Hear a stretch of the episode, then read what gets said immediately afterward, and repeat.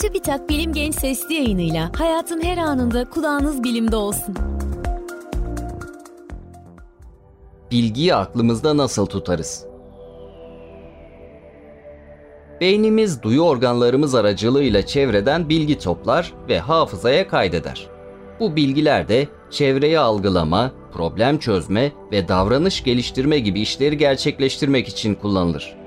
Bilgileri bazen anlık olarak, bazen kısa, bazen de uzun süre hafızamızda tutarız. Bunu belirleyense bilgiler hafızaya kaydedilirken duyusal bellek, kısa süreli bellek ve uzun süreli bellekten hangisinin kullanıldığıdır. Duyusal bellek, bilgileri sadece birkaç saniye gibi çok kısa bir süre için akılda tutmamızı sağlar. Örneğin burnumuz çok keskin bir koku aldığında bu kokuyu çok kısa bir süre hatırlarız. Ya da yürüyüş yaptığımız yolun etrafında bulunan farklı büyüklükte binaları, farklı renk ve şekillerdeki arabaları veya telefonda konuşan insanları hatırlarız. Fakat yeterince odaklanmadığımız için binalara, araçlara ve insanlara ait detayları hatırlamayız. Konsantrasyon, duysal bellek ve kısa süreli bellek arasında bir aşama olarak düşünülür.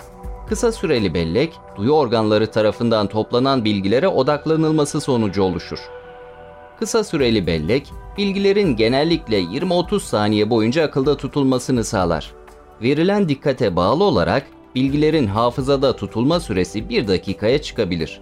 Örneğin karşınızdaki kişinin size hızlı bir şekilde telefon numarası söylediğini düşünün. Zihninizde bu numarayı anlık olarak tutmaya çalışırsınız. Fakat kısa bir süre sonra numarayı tamamen unutursunuz. Eğer telefon numarasını zihninizde tekrar ederseniz ya da sesli söylerseniz bir süre daha hafızanızda tutabilirsiniz. Bir bilgi kısa süreli bellekte yeterince kalırsa zamanla uzun süreli belleğe geçer. Genellikle uzun süreli belleğe kaydedilen bilgilerin zihinde sonsuza kadar kalacağı düşünülür. Fakat bilgilerin uzun süreli bellekte ömür boyu kalma ihtimalleri varken bir gün ya da bir hafta sonra hafızadan silinebilirlerdi. Uzun süreli anılarımız oluşurken hipokampus hafızadan bilgiyi geri çağırır ve sinapslar arasında yeni bağlar oluşmasını sağlar. Bu bağlar ne kadar çok kurulursa bilginin hafızada kalma süresi de o kadar uzar.